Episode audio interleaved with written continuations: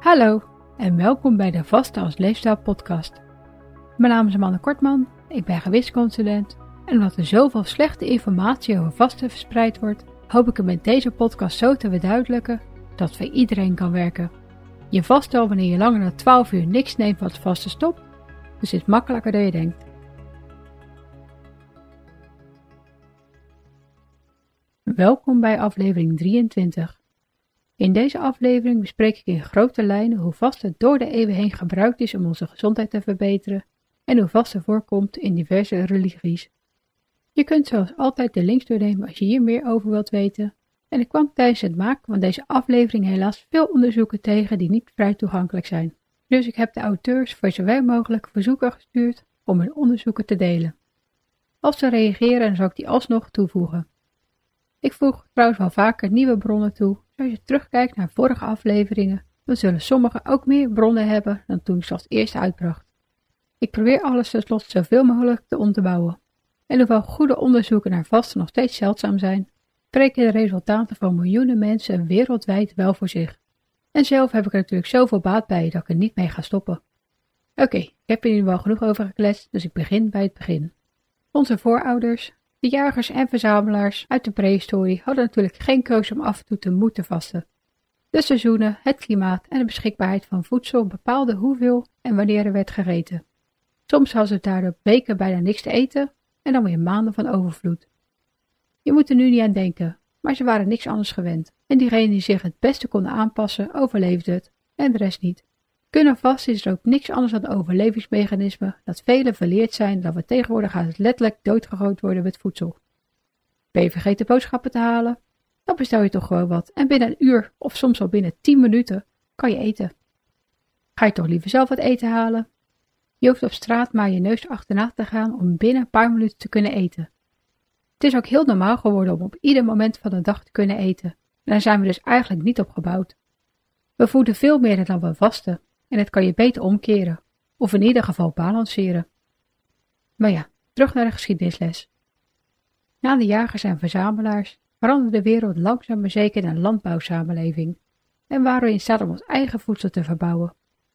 Hoewel het meestal geen noodzaak meer was, op de slechte oogstjaren hierna, bleef de mensheid ook toen in verschillende vormen vasten. Ze werden bijvoorbeeld door priesters gevast voor zijn offer bracht om een geest en lichaam te zuiveren en komt het in bijna alle heilige geschriften voor. Vaste werd en wordt gedaan als teken van boetedoening, als offer tot verzoening, als voorbereiding op religieuze handelingen of om bijvoorbeeld te rouwen. Vaak wordt bij religieus vasten op bepaalde dagen van de week, maand of jaar gevast. En hierbij kunnen ze helemaal vasten of gedurende een aantal uur. Hiernaast kunnen ze zich dan ook tijdelijk ontzeggen van bepaalde voedingsmiddelen, genotmiddelen of seks. De Ramadan is iets waar de meesten als eerste aan zullen denken als je het over religieus vasten hebt. Hierbij vasten moslims tussen zonsopkomst en zonsondergang gedurende de negende maand van de islamitische kalender. Hierbij mag er dan niks gegeten of gedronken worden en ook bijvoorbeeld roken is dan niet toegestaan. Hiernaast worden moslims aangeraden om iedere maandag en donderdag te vasten en het vijf twee zal dus erg makkelijk voor ze zijn. In het christendom is de bekendste vorm van vasten de vastentijd. Dit zijn 40 dagen, eigenlijk 46 aangezien ze de zondagen niet meetellen, waarin ze vasten. Dit is meestal tussen Aswoensdag en Pasen.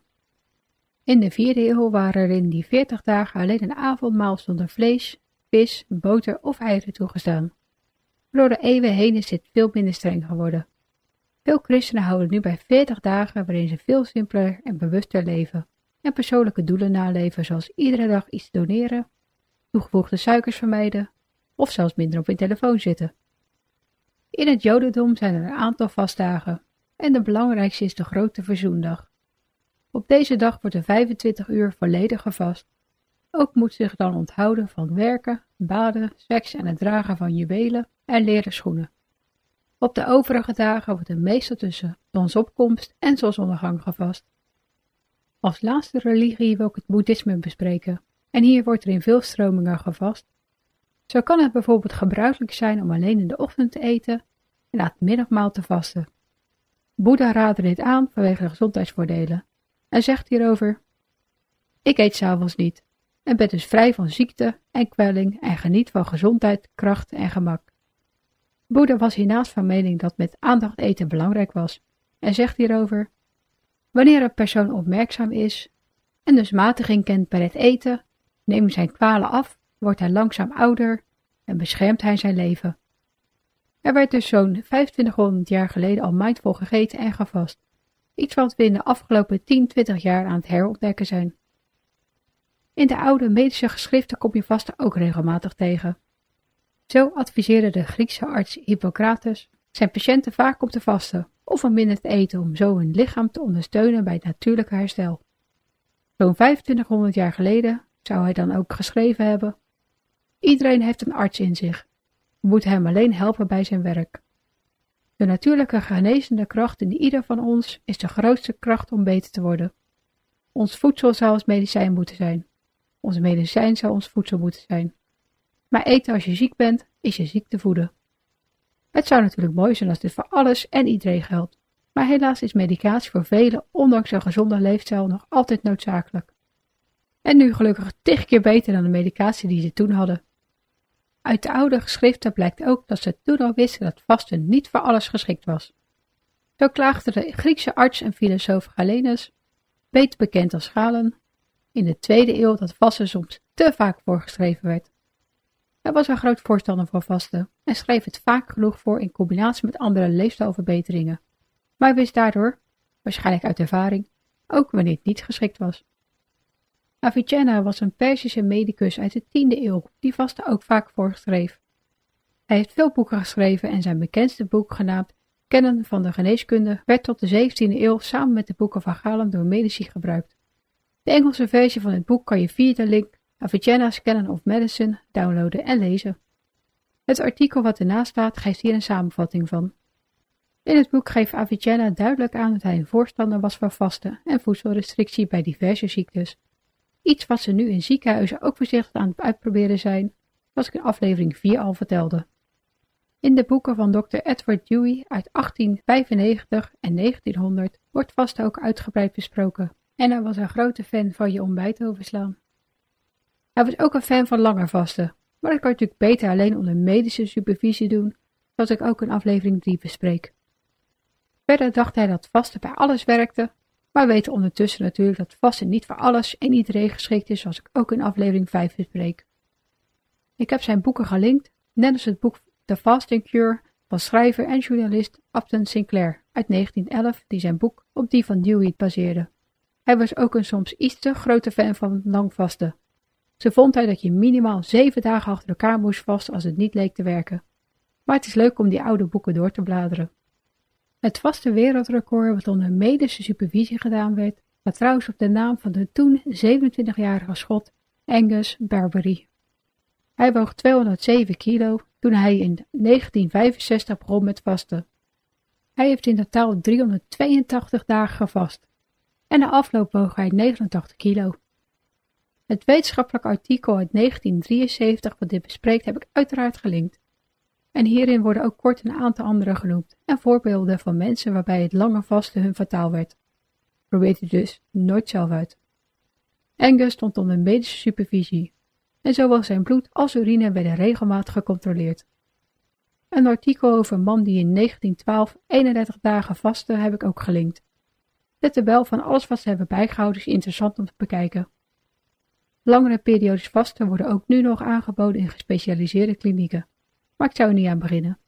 Dagelijks een beetje vasten werkt hartstikke goed en het is nog gratis ook. Voor sommige ziekten is vasten met of zonder koolhydraatarm eten duizenden jaren de behandelmethode geweest. Zo kon diabetes type 1 tot 100 jaar geleden niet behandeld worden en wisten ze hun leven met die combinatie slechts hooguit een paar jaar te rekken. Bij type 2 werkt het net als nu natuurlijk wel bij velen. In oude teksten en referenties worden vaste en voedselrestricties meerdere keren als behandelmethode genoemd.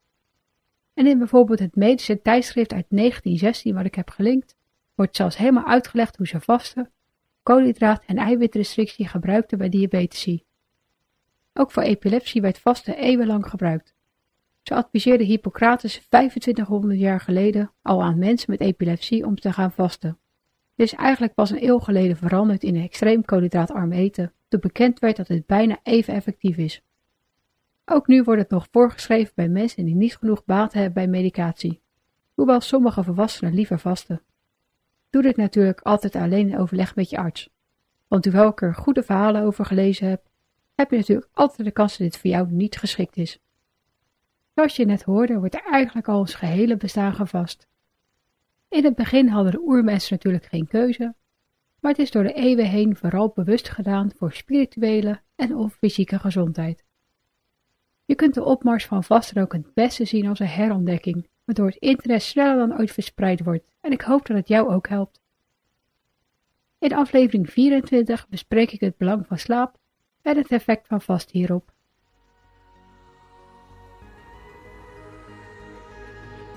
Bedankt voor het luisteren en vergeet niet dat je de onderwerpen en bronnen altijd in de omschrijving van de aflevering kunt vinden. Weet je niet zeker of sommige tips of adviezen ook voor jou geschikt zijn? Bespreek ze dan natuurlijk altijd met je arts. Heb je nog vragen of opmerkingen? Of heb je behoefte aan persoonlijke begeleiding? Kijk dan op valerien.nl voor meer informatie.